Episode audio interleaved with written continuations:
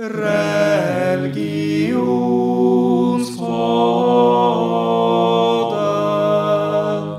Lovet være Gud, all verdens herre, ham, den barmhjertige, den nåderike, ham, Herren over dommens dag. Deg tilber vi, vi søker hjelp hos deg. Led oss på den rette vei. Deres vei som du har beredt glede, ikke deres som har vakt din vrede, eller deres som har valgt den falske lei. Velkommen til Religionspodden. Dette er ikke en forkynnende podkast, hvis, hvis dere lurte på det, men dette er åpningsbønnen fra Koranen. Og velkommen skal dere være. Takk. Takk, takk. Dagens tema er Koranen og andre tekster i islam. ja, islams tekster. Ja. Um, dette er begynnelsen av Koranen, um, som vi skal snakke mer om. Al-Fatiha, åpningsbønnen. Al-Fatiha, åpningsbønnen. Eh, vi skal komme innom Koranen, som sagt, eh, og hva det er for noe. eh, hvordan den er satt sammen, eh, hvordan man skal lese den. eh, og forklare de andre tekstene, eh, haditene, hva det er for noe, Ja. eh, og hva man bruker dem til. eh, og litt om historien. Det er dagens mål, så får vi se om vi når målet. Men uansett, hyggelig å se dere igjen. Takk. I like måte. Hvordan går det med dere? Takk. Fint. Det går bra.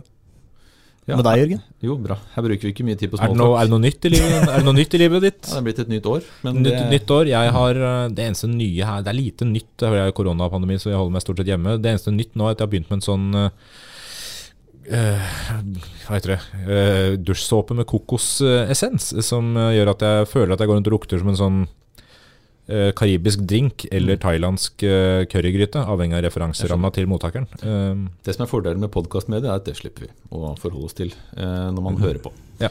Så eh, takk for den historien. det, men det måtte jeg begynne med noe personlig. Skal vi, skal vi heller gå over i det som er eh, viktig her, i denne sammenhengen i hvert fall.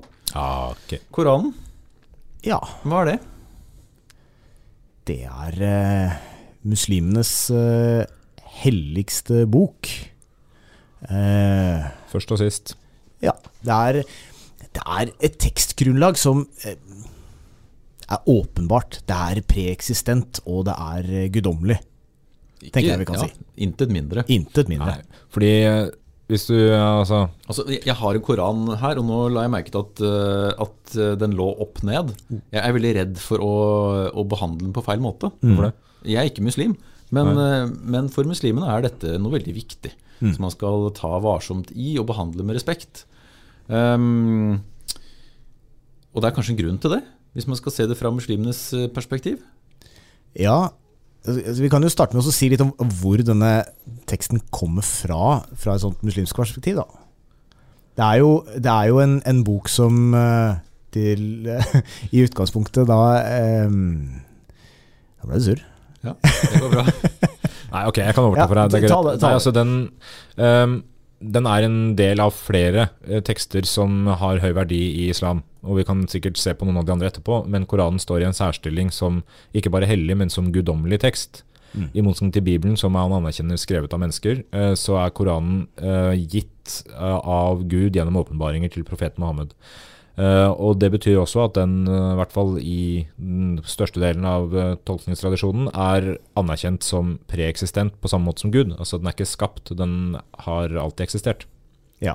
Dette var, dette var det diskusjon om. Da snakker vi om budskapet i den, da, ikke, Ja. Mm. ikke den materielle utgaven, for den er skrevet ned. Ja. Ja. de- for de første muslimene eh, etter Mohammeds eh, død diskuterte dette her i Er teksten skapt av Gud, Mm. eller er den like sånn, evig og, og mm, guddommelig, altså som Gud selv? da? Ja, ja. For det har vært, det har vært diskutert, ja. Ja. ja. Og det, og det ble konkludert med at den er ikke skrevet eller skapt av Gud. Den er like uskapt som Gud selv. Nettopp. Og det, og det forklarer jo også viktigheten av den, fordi den eh, eh, altså hvis du, ser, hvis du ser tilbake til eh, utgangspunktet i islam, altså at eh, Gud er ene og alene, på en måte, og noe som er utenfor den menneskelige observerbare verden, så er Guds, så er Guds tekst, altså Koranen, på samme måte. da. Den er større enn det materielle uttrykket den, eh, som representerer den, på et eller annet vis. Eh, det, er, er jo fra et innenfra-perspektiv. Fra utenfra-perspektiv så er det jo en bok som må studeres for å forstå islam. Mm. Og selvfølgelig også fra innsida. Altså man må studere Koranen for å forstå mm, trosgrunnlaget, fordi den presenterer eh, tro, troen, da. Og fra, fra et kildeperspektiv da, så er det jo eh, sammenligna med andre hellige tekster et ganske imponerende kort tidsrom fra islams dannelse til tekstens nedskriving. Hadde du et tall på det, Chris? Ja, altså Muhammed dør jo i år eh, 632. Og det går jo ikke mer enn 18 år før teksten er samla. Eh, og vi har det som vi i dag kjenner som Koranen. Så det er 650 etter vår tidsregning. Da. Hvis vi skal sammenligne det med kristendommen, så var Bibelen relativt sett samla som bok nær 400 etter kirkemøtet i Kartago. Men- og da har man eh, i en avstand av hendelsene på 360 år omtrent. Men nå skal det sies, jeg tror ikke sånn i rent materielle kilder, så tror jeg ikke vi har Så tror jeg vi har eldre fragmenter av Bibelen, av bibeltekster, enn vi har fragmenter av korantekster. Ja, sånn, ja.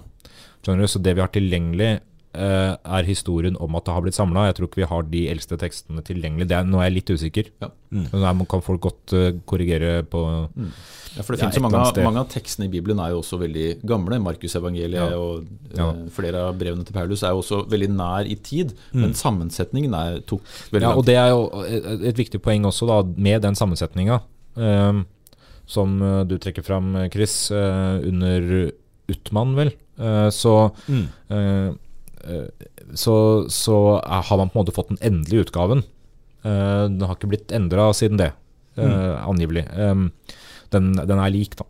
Ja, Eh, I motsetning til Bibelen, som stadig vekk endres og oversettes. Eh, også, altså Den egyptiske kong Fuads utgave, som kom i 1923, er i dag den offisielle og normerende utgaven av Koranen. Eh, Og i motsetning til Bibelen, som da har mange utgaver, litt avhengig av trosretning og litt avhengig av land osv., så, videre, så er Koranen da mer enhetlig over hele fjøla. Men det henger jo selvfølgelig sammen med hva slags status teksten har. Mm. At hvis uh, man er enige om at teksten er åpenbart og evig, så er det jo ikke nødvendigvis uh, gjort en håndvending å gjøre om på det. For Nei. hvem i all verden skulle med all respekt ha rett til å gjøre det? Hvis man skrev det fra et religiøst perspektiv, det er ingen som har lov til det. Så Nei. teksten er der. Det får man ikke gjort noe med. Men likevel så er det jo tolkningen av Koranen som, som, kan, som igjen kan skape andre tekster. Ja. Og diskusjoner om hva, hvordan man skal tolke tekstene, selv om teksten er der. Ja. Og Det er litt interessant det du trekker frem om Bibelen. Da, ikke sant? Når man ser hvordan språket i Bibelen kan, kan moderniseres for å treffe leseren bedre i, i sin samtid, så Eller så gjør man jo ikke det her med Koranen. Noen ganger gjør man det også med Bibelen for å prøve å treffe originalutgavene bedre. Altså at man har fått mer kunnskap om de originale språkene, så derfor oversetter man det på nytt igjen for å prøve å ligge tettere opp til det som en gang var meninga. Ja. Men i Koranen så skal man helst ikke oversette i det hele tatt. Og da når man da legger inn det at uh, arabisk er Guds språk, og det språket Gud uh, serverte ø, åpenbaringene, altså Koranens innhold, til profeten Mohammed på det språket, så, så så trenger man jo på en måte ikke å redigere det eller prøve å komme tilbake til originalen fordi språket er likt. Ja, Det gjør jo også at alle oversettelser på et eller annet vis blir en feiltolkning. Ja. Og man, og man liker ikke oversettelser. oversettelsene. Nei, og, eller for å være litt mer rundt da. Alle, alle oversetninger er en tolkning. Ja, og, Og, og fordi, fordi de, det er ikke sånn at de at alle muslimer kan lese teksten på arabisk. I hvert fall ikke på det gammelmodige arabiske som, arabisk som den or originale teksten er på. Så i den koranen jeg sitter med her nå, den er på begge målformer. Den har arabisk bokmål tekst. nynorsk. Ja, den er både bokmål og nynorsk. Den er på arabisk, men den har de samme tekstpassasjene på norsk ved siden av. Og det, dette er en anerkjent bok også for muslimer, Ja da. Men, men, men, men, det vil aldri bli like godt. Nei, og kun den arabiske delen blir jo da altså, hellig kanskje i ordets opprinnelige forstand, ikke sant? mens den norske kanskje i større grad blir gjenstand for eh, studier. Ja. Og ikke på samme måte som du altså, my, Mye av Koranen, altså, mye av bruken av Koranen handler jo bl.a. om å resitere innholdet. Fordi du får en nærhet til guddommen ved å resitere Guds ord. Mm. Og da skal det også sies at eh, Koranen er substantivform av verbet eh, kara, altså å resitere. Eh, så, så det ligger litt om i konseptet. Eh, men det er jo en ærlig sak det, at eh, veldig mange er nødt til å lese en oversettelse for å forstå innholdet. Ja, det å kunne resitere teksten utenat er jo noe som, eh, som er ansett som, som viktig for en muslim i seg selv. Ikke sant? Mm, Altså det, er, mm. det er en høy anseelse for den som klarer å, å, å resitere Koranen. Og da er det liksom, i kraft av at eh, arabisk er også et hellig språk i denne forbindelsen, her, sånn, så, så er jo ikke eh, viktighet det er ikke så viktig å forstå nødvendigvis det man resiterer. Nei. Og det handler om at, altså Man sier jo at når man sier ordene i Koranen på originalspråket, så skjer Guds gjerning i det Altså igjen og igjen, da, når man siterer. Kan, kan eh, kanskje sammenlignes med, med nattverden i noen altså Særlig i den katolske retninger. At man, det er en symbolsk handling også som, som frembringer eh, Gud på jorden akkurat i øyeblikket når du gjennomfører nattverden med blod og, og brød.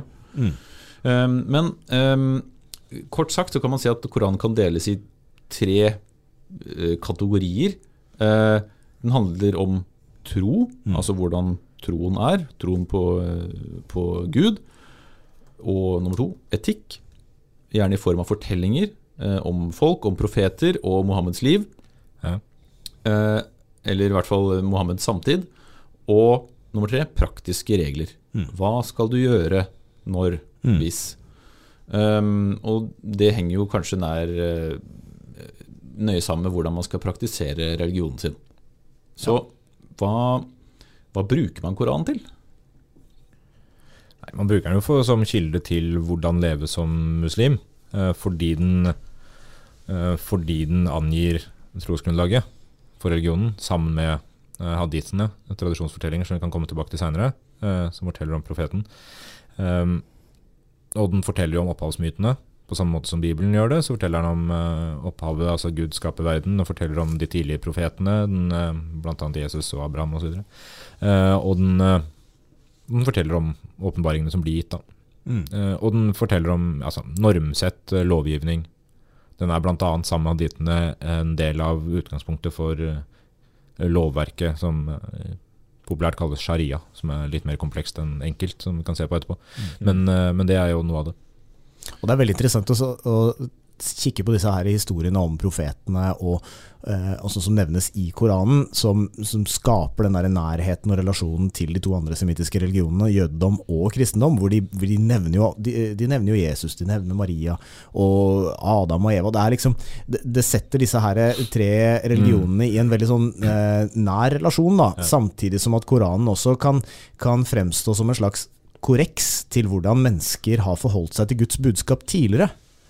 Og eh, islam bygger jo videre på jødedom og kristendom, kan man si. Fordi, Ja, Fra et utenfraperspektiv så gjør den det. ja, men, men, ja, men også anerkjenner jo hverandre som Ja, ja. religioner. Så, så profeter ja. Altså Jesus regnes som profet. Og sendebud. Eh, men men eh, muslimene har den riktige og hva skal vi få, senest oppdaterte tolkningen. Ja. Versjon 3.0, hvis du skal ta jødedom, kristendom og islam. Ja, fordi altså eh, Grunnen til at profeten får oppgitt disse hva skal jeg si, åpenbaringene fra Gud via Gabriel, Jibril, så grunnen er jo at at de tidlige tidligere overleveringene av budskapene, tekstene, til de forrige profetene, f.eks. Jesus eller David eller eh, Moses, har vært, eh, blitt brukt feil eller tolka feil eller gjengitt feil av Mm. de tidligere profetene. Så Mohammed er den første som klarer å gjøre dette på riktig måte og formidle Guds budskap og ord som det skal være. Derfor er han også da den siste profeten, i hvert fall i de to største retningene. Mm. Har dere lest Koranen? Ikke hele, må jeg innrømme, deler av det. Deler av det, ja. Hva, hvorfor gjorde dere det? Det er jo for, kanskje av studieårsaker. Eh, Det er Ja. ikke primært, primært fordi jeg jobber med det. Ja. Eh, ja, samme her. Jeg fikk beskjed av foreleseren min om å gjøre det. Det var interessant, da. Det, var jo, det, er, det er jo alltid ålreit å lese ja. eh, primærkilder på, på sånne ting. Og, det, og det, det gjør jo en del av kanskje kontroversen rundt eh, dis, altså diskusjoner og krangler mellom religioner også blir, eh, blir mer eh, nyansert, da. Mm. Du kan liksom, eh, det refereres jo veldig ofte til Koranen eh, fra både outsider- og insider-perspektiv. Hvordan eh, eh, kritikere av islam eh, trekker frem innholdet i Koranen som eh, kanskje å, å, å eh, representere noe annet enn en insider-perspektivet til en muslim. da. Fordi man tross alt leser oversettelser og tolkninger av, eh, av eller bare- den arabiske utgaven. Eller bare bruddstykker. Ja, Og, og Koranen inneholder jo veldig mye. Ja, og den er vanskeligere å lese. Ja. Um, den er, den er vanskeligere, jeg syns den er vanskeligere tilgjengelig enn f.eks. Bibelen, fordi den ikke er bygd opp kronologisk. Eh, tidligere, i gamle semittiske tradisjoner, så var det vanlig at man bygde opp bøker gjennom andre strukturer enn kronologi. Du bygde opp rundt de lengste delene først, f.eks., mm. og det er tilfellet med Koranen nå. Ja. Uh, den er delt inn i det vi kaller surer, altså kapitler, sånn som mm. Bibelen. 114 surer, og så er de delt igjen inn i vers, uh, ayat. Uh, og så, Du siterte jo åpningsbønnen i stad. Uh, og den er på en måte utenom den øvrige strukturen. Men deretter kommer da de surene som Mohammed mottok i Medina under åpenbaringa der. Og det er de lengste, da, ut ifra den tradisjonen at du skal ha de lengste først. Og så kommer de, de siste uh, sist, sist, altså de korteste. Uh, og de siste så Nei, unnskyld. altså, vent da, Hvordan var dette? her? De lengste og de siste er de første, mm. hvis du skjønner. Men De mm. han mottok sist, er de lengste, og det er de han mottok i Medina. Det er gjerne sosiale, juridiske spørsmål som omhandles i de. I de. Og så har du Mekka-surene, det er de, de seneste. Uh, eller altså, De er de eldste, men de er, står til slutt i Koranen. Det er derfor dette er forvirrende. Og ja, Derfor får du heller ikke sånn at skapelsesberetninga kommer først, og så kommer historien om Moses. og så, det, det, det, er ikke den rekkefølgen. Ja, og Likevel så finnes det også unntak i Koranen, så ja, det er ikke helt regelrett på den måten heller. så det er for oss som sitter her utenfra da, og skal finne fram altså det er jo mm. et, I denne har, så er det et register, men, eh, men rent, rent, praktisk det er, det er litt uh, vanskelig å komme inn i det. Uh, fordi uh, jeg, jeg, skjønner jo behovet for en tolkning. da. Mm. Ja, ikke sant? Skal at, du, her, at en rettledning for hvordan ja. man skal lese Koranen. Hvis du skal prøve for å finne ut hva Gud sier om dommedag eller uh, Guds enhet, som er veldig sentralt, så må du til, må du til slutten. Det, det, kommer ganske sent. Eh, som er de første eh, åpenbaringene til Mohammed. Ja. så, så det, er, det, er, ikke Uten å vite det, så er det vanskelig å bruke det som oppslagsverk. da. Mm. Jeg har en, eh, en, bok her som heter 'Hellige skrifter i verdensreligionene', som er en eh, som hjelp for oss akademikere for å tolke skrifter. Her er det en liten eh, en passasje om hvordan man bruker Koranen. Bare et lite sitat her. Koranen som hellig tekst. En ung muslim vasker seg omsorgsfullt. Så tar hun frem en bok som inneholder Koranen i arabisk skrift, setter seg til rette og begynner å resitere med høy, melodiøs stemme så nøyaktig og vakkert hun bare kan. En annen trone tar frem ikke bare den arabiske teksten, men også oversettelser, fortolkende verk og ordbøker for å trenge dypere ned i hva teksten betyr, og hvordan vi skal forstå den i dag. En bekymret far leser fra Koranen over sitt syke barn, mens en annen trone siterer Koranen i sin aftenbønn. En kalligraf skriver langsomt og omhyggelig ned en passasje på en plate som skal henges på veggen til pynt og påminnelse, og en bønn hentet fra koranteksten trykkes på små klistrelapper som kan klebes opp på strategiske steder.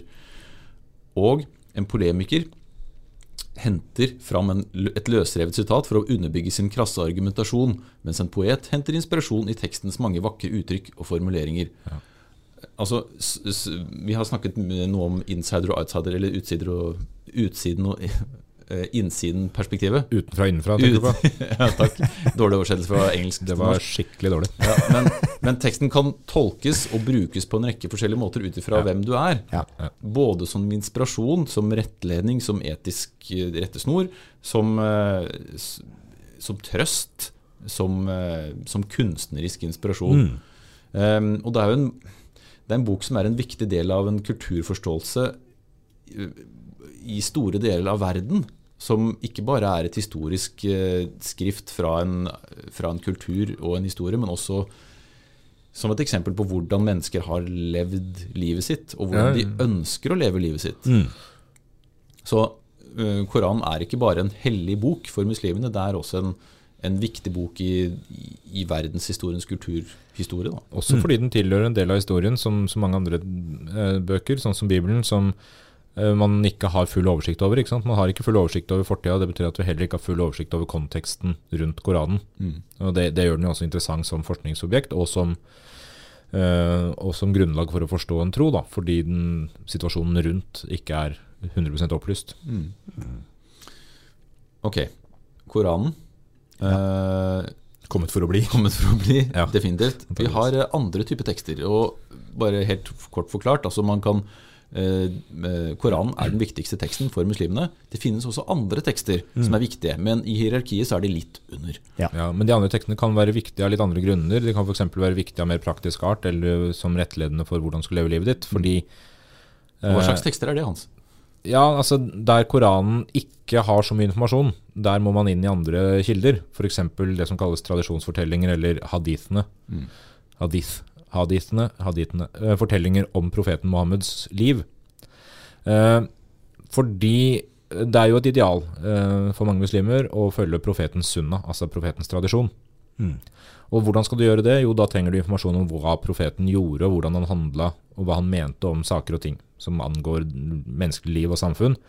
Um, og i de tidligste tidene rett etter profetens død, så hadde du folk rundt der som huska profeten og huska hva han hadde gjort i konkrete situasjoner. Så når noen da lurte på hva skal jeg gjøre, hva ville profeten gjort, så spurte man en lærd, og de kunne svare på det. Mm. Men jo lengre tid du kom vekk fra profetens liv um, og levnet, jo vanskeligere var det å huske dette her. Så da fant man ut at man måtte skrive ned disse fortellingene. Um, og i løpet av 700-800-tallet så har man da uh, klart å samle uh, fortellinger i dette hadith-samlingene.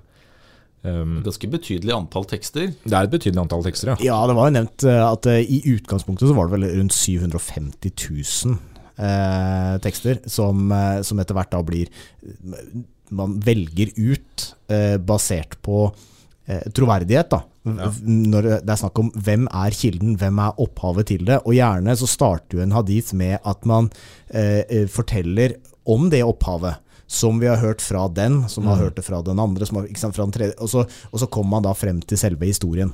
Ja. Mm. Så det stilles jo et krav til at det skal være en troverdig eh, kanskje bevitnelse av ja, selve sånn, historien. Sånn sett så er jo da haditene gjennom disse haditskolene som har samla dem, gjennomgått noe av den samme eh, redaksjonelle arbeidet som det eller prosessen som det Bibelen har vært gjennom. ikke sant? Mm. Å finne de tekstene som er mest enhetlige, som, der kildene er best, og da man kan spore det godt nok tilbake til at det er troverdig. Ja, for... Eh, så de minner litt om evangeliene, f.eks. I, I det at evangeliene er fortellinger om Jesu liv og levnet, og hans formaninger, eh, så er haditene de tilsvarende om profeten. Ja, og, og, og som du sa i stad, Jørgen, at det, Koranen kan fremstå som litt lite tilgjengelig, så kan vel kanskje haditene fremstå som mer tilgjengelig sånn sett, i kraft av at de er mye mer eh, konkrete da, i hva, ja. hvordan Muhammed levde sitt liv. Mm. Sitt ufeilbarlige liv. Ja, som, vil, som, vil, jeg prøve å leve som ikke muslim. Sant? Ja. Og disse hadisene de er jo samla i, i, en, i, en, rekke samlinger. og da, Det er jo um, litt avhengig av retning, selvfølgelig, så, så anser man i hvert fall at det er seks samlinger av eh, hadither, og hvor hver av de består av et eller annet sted mellom 4000 og 8000 ulike hadither. Mm. Ganske massivt. det er ganske massivt, og det, det, tar jo betraktelig lengre tid å samle og redigere disse enn Koranen. Da vi sa i stat, Det tok 18 år uh, før den endelige utgaven av Koranen. Så, tar, så er det ikke før ja, et eller annet sted i overgangen mellom 800- og 900-tallet at man lander på en slags sånn endelig utgave av disse seks samlingene. Mm. Nei, uh, og de av det arbeidet så regnes de jo ikke som guddommelige. Mm. Fordi det er menneskeskapt, men de regnes samtidig som, som hellige fordi de er inspirert av Guds ord, og de, og de skal leses i lys av Koranen. Det er et viktig poeng. Uh, de skal belyse da budskapet i Koranen. I tillegg så er jo da de handler om Guds profet Mohammed, og derfor er de også hellige. Så de, det er ikke sånn at det er hverdagslige fortellinger om ikke noe uten verdi. Det er, det er hellige tekster, mm. men ikke guddommelige på samme måte som Koranen er det. Mm. Så i hierarkiet litt under Koranen, men, men fortsatt veldig viktig, ikke mm. minst også, ikke i en praktisk ja, betydning. I praktisk betydning kobla til etikk. Uh, vi vet også at uh, altså lovtradisjonen, sharia, uh, har sin, uh, sitt kildegrunnlag delvis i både hadithene og Koranen. Ja, Skal vi ta den uh, mens vi først er inne på det? Ja, jeg vil bare nevne det at ved siden av hadithene så har du den såkalte sira-litteraturen, som er middelalderfortellinger om, om, profeten, biografier om profeten, som også kan tilby, tilby kunnskap om profeten sunna. Mm. Men, de, men, de, er i mindre grad den Koranen og hadithene regna som hellige. Eh, kan jeg også bare skyte inn en, en siste ting om, om, hadithene? og det er jo det der med at sant, I, i hadith-litteraturen så finnes det eh, fortellinger om eh, Muhammeds liv, men det finnes også noen fortellinger om eh, mirakler. For spørsmålet er liksom, er Muhammed guddommelig eller ikke? Og det, det, konstateres jo i Koranen at det er han ikke. Han er kun et sendebud. Men i hadith-litteraturen så fins det jo eh, gjengitt noen historier om, uh, om Muhammed som eh, gjennomfører mirakler. Blant annet at han med fingeren sin splitter månen. vann strømmer fra fingeren hans, og, og steiner hilser på han høylytt og åpenlyst. Ok, så han er ikke guddommelig, men han har noen ganske heftige egenskaper? Ja. ja. Og da er det jo ikke altså, Fra et utsideperspektiv så kan vi jo si at dette her er med på å legitimere eh, Muhammed som en utvalgt som, person, da, som et sendebud fra Gud. Ikke sant? Dermed så, så, så har han mulighet til å gjennomføre ting som mm, lekfolk ikke kan. Mm. Kan man si at det er en eh, ekstrem form for karisma? Å kunne splitte månen med fingeren? Det vil jeg si, Jørgen. Ja, det er, det er ikke det er ekstremt det. Det kan også hende man kan tolke det i overført betydning, men det, Det er ikke å ta i det. Nei. Nei. Uh, ok. Um, haditene også kommet for å bli, tror jeg vi det kan Ja, det Ja, Tror, det kan vi si. Enstemmig der. Ja, uh, vi var innom uh, sharialovgivningen. Ja, ja og det, det, dette her er jo ikke en del av tekstgrunnlaget som sådan, fordi, og det er litt viktig å presisere, fordi jeg, dette her er et begrep som kanskje slenges litt og lefses litt med lefses, Ikke lefses, lefles Mm. litt med i eh, medier i Vesten, uh, fordi man snakker om sharialovgivning og land som følger sharialov og sånn, men sharialov er ikke en enhetlig lov som er veldig enkel å få oversikt over. Det er på en måte en lovtradisjon. Um, det, det betyr eh, veien til vannhullet, altså veien til liv, da, i overført betydning.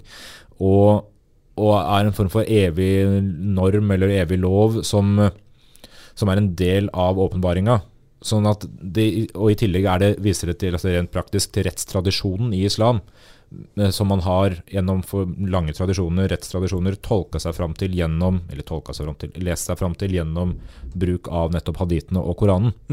Så det er ikke én samling uh, som er eh, som Det er ikke en stor sharia. rød bok Nei, med en hammer utenpå. Nei, det er ikke det. Uh, den, den Ja, for det er Norges lover du tenker på? Ja, det var det jeg tenkte på, Ja, ja. det ja. Ja, altså den springer ut av rett og slett uh, de andre, altså tekstgrunnlaget da, eh, gjennom den eh, rettsvitenskapen fikk. Eh, så, eh, men det, det som er interessant med den, eh, og som eh, er greit å presisere, er jo at den handler om, altså sharia-lovgivning handler om alle eh, religiøse lover, og for så vidt også verdslige lover innenfor islam.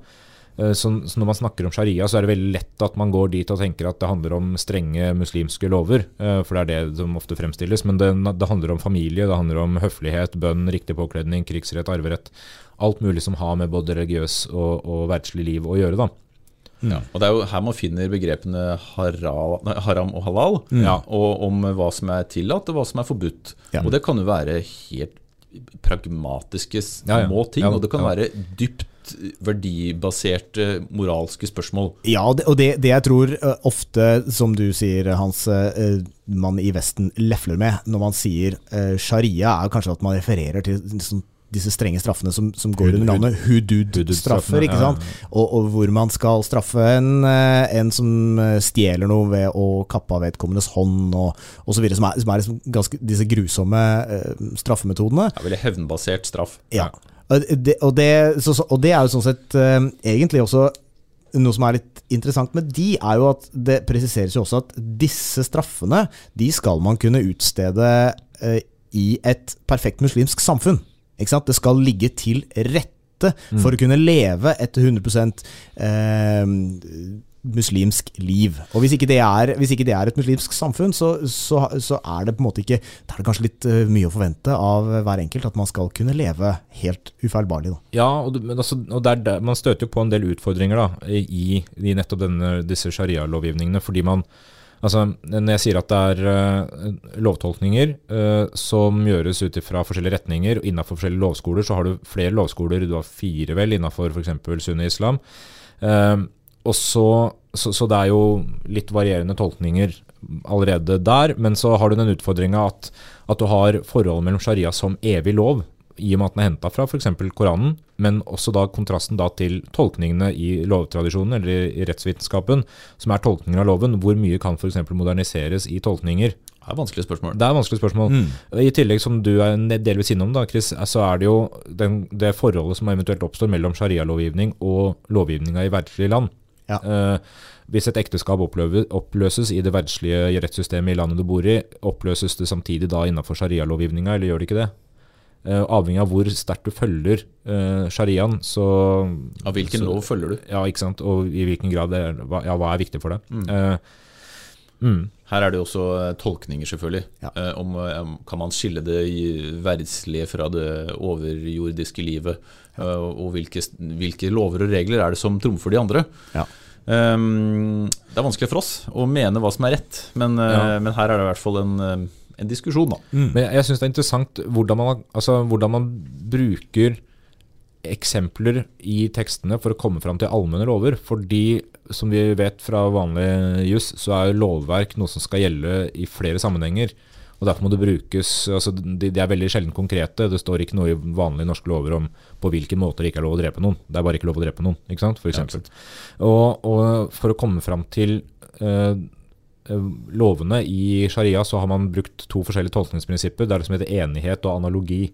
Der enighetsprinsippet innebærer at fellesskapet, altså mitt fellesskap, kan aldri enes om en feilaktighet, uh, sier profeten i en eller annen hadith som jeg ikke husker hvilken hvilken litt, som, er. litt som Kant, da, med andre ord.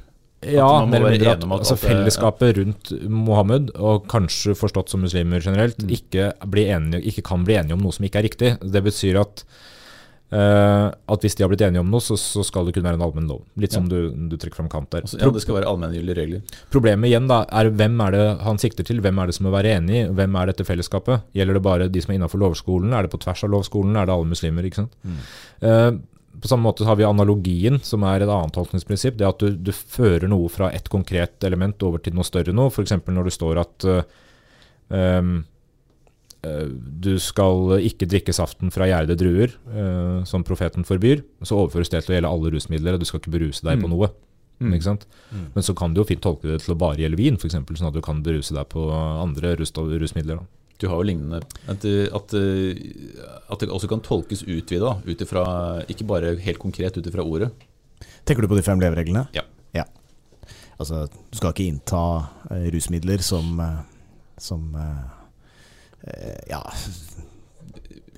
hindrer, eh, hindrer din, eh, din forståelse av virkeligheten. Men kan, det men kan også tolkes der at det er liksom Det er forskjell på bruk og misbruk. ja, og, hva, og hva er rusmidler? Ja, det er ikke presisert. Nei, ikke sant? Så som at det er kaffe. et rusmiddel? Det, enkelte vil jo hevde det. Ikke sant? Ja. Lim? Ja, altså, innenfor, innenfor hin, eh, Først og fremst et hobbyprodukt. Kaffe? Nei, lim. Ja. Jo, men kaffe anses i, innenfor en del eh, hindutradisjoner som et slags rusmiddel i det, hvis man skal faktisk praktisere Mm. en eller annen meditativ eh, asketisk øvelse. Nei, men det blir jo samme som at når det står at du skal eh, elske din neste som deg selv, så må du nødvendigvis tolke hvem din neste er òg, Mm. i streng betydning. Eh, Så trenger du ikke å tolke det til gjelde hele verden, du kan tolke det til hele naboen din eller kona di eller Mm. Eller hvis du eh, elsker deg selv så intenst at, At det også er det neste. at eh, du er narsissist, så er du en Ja, Eller han foran deg i køen. ok. Um, hva har vi glemt da? Jeg tror vi har vært gjennom det vi Altså, lovte jeg, på jeg tror vi har vært gjennom det vi trenger å gå gjennom, sånn umiddelbart. Ja. Uh, Da uh, har man eh, forhåpentligvis etablert en slags uh, konsensus. Ja, men fint. Da eh, sier vi takk for nå. Takk for nå. Hyggelig å kunne snakke med dere Ja, var det ikke der ute. Jeg synes det var veldig hyggelig å snakke til dere der ute. Ja. Da høres vi igjen neste gang. Ha det. Ha det.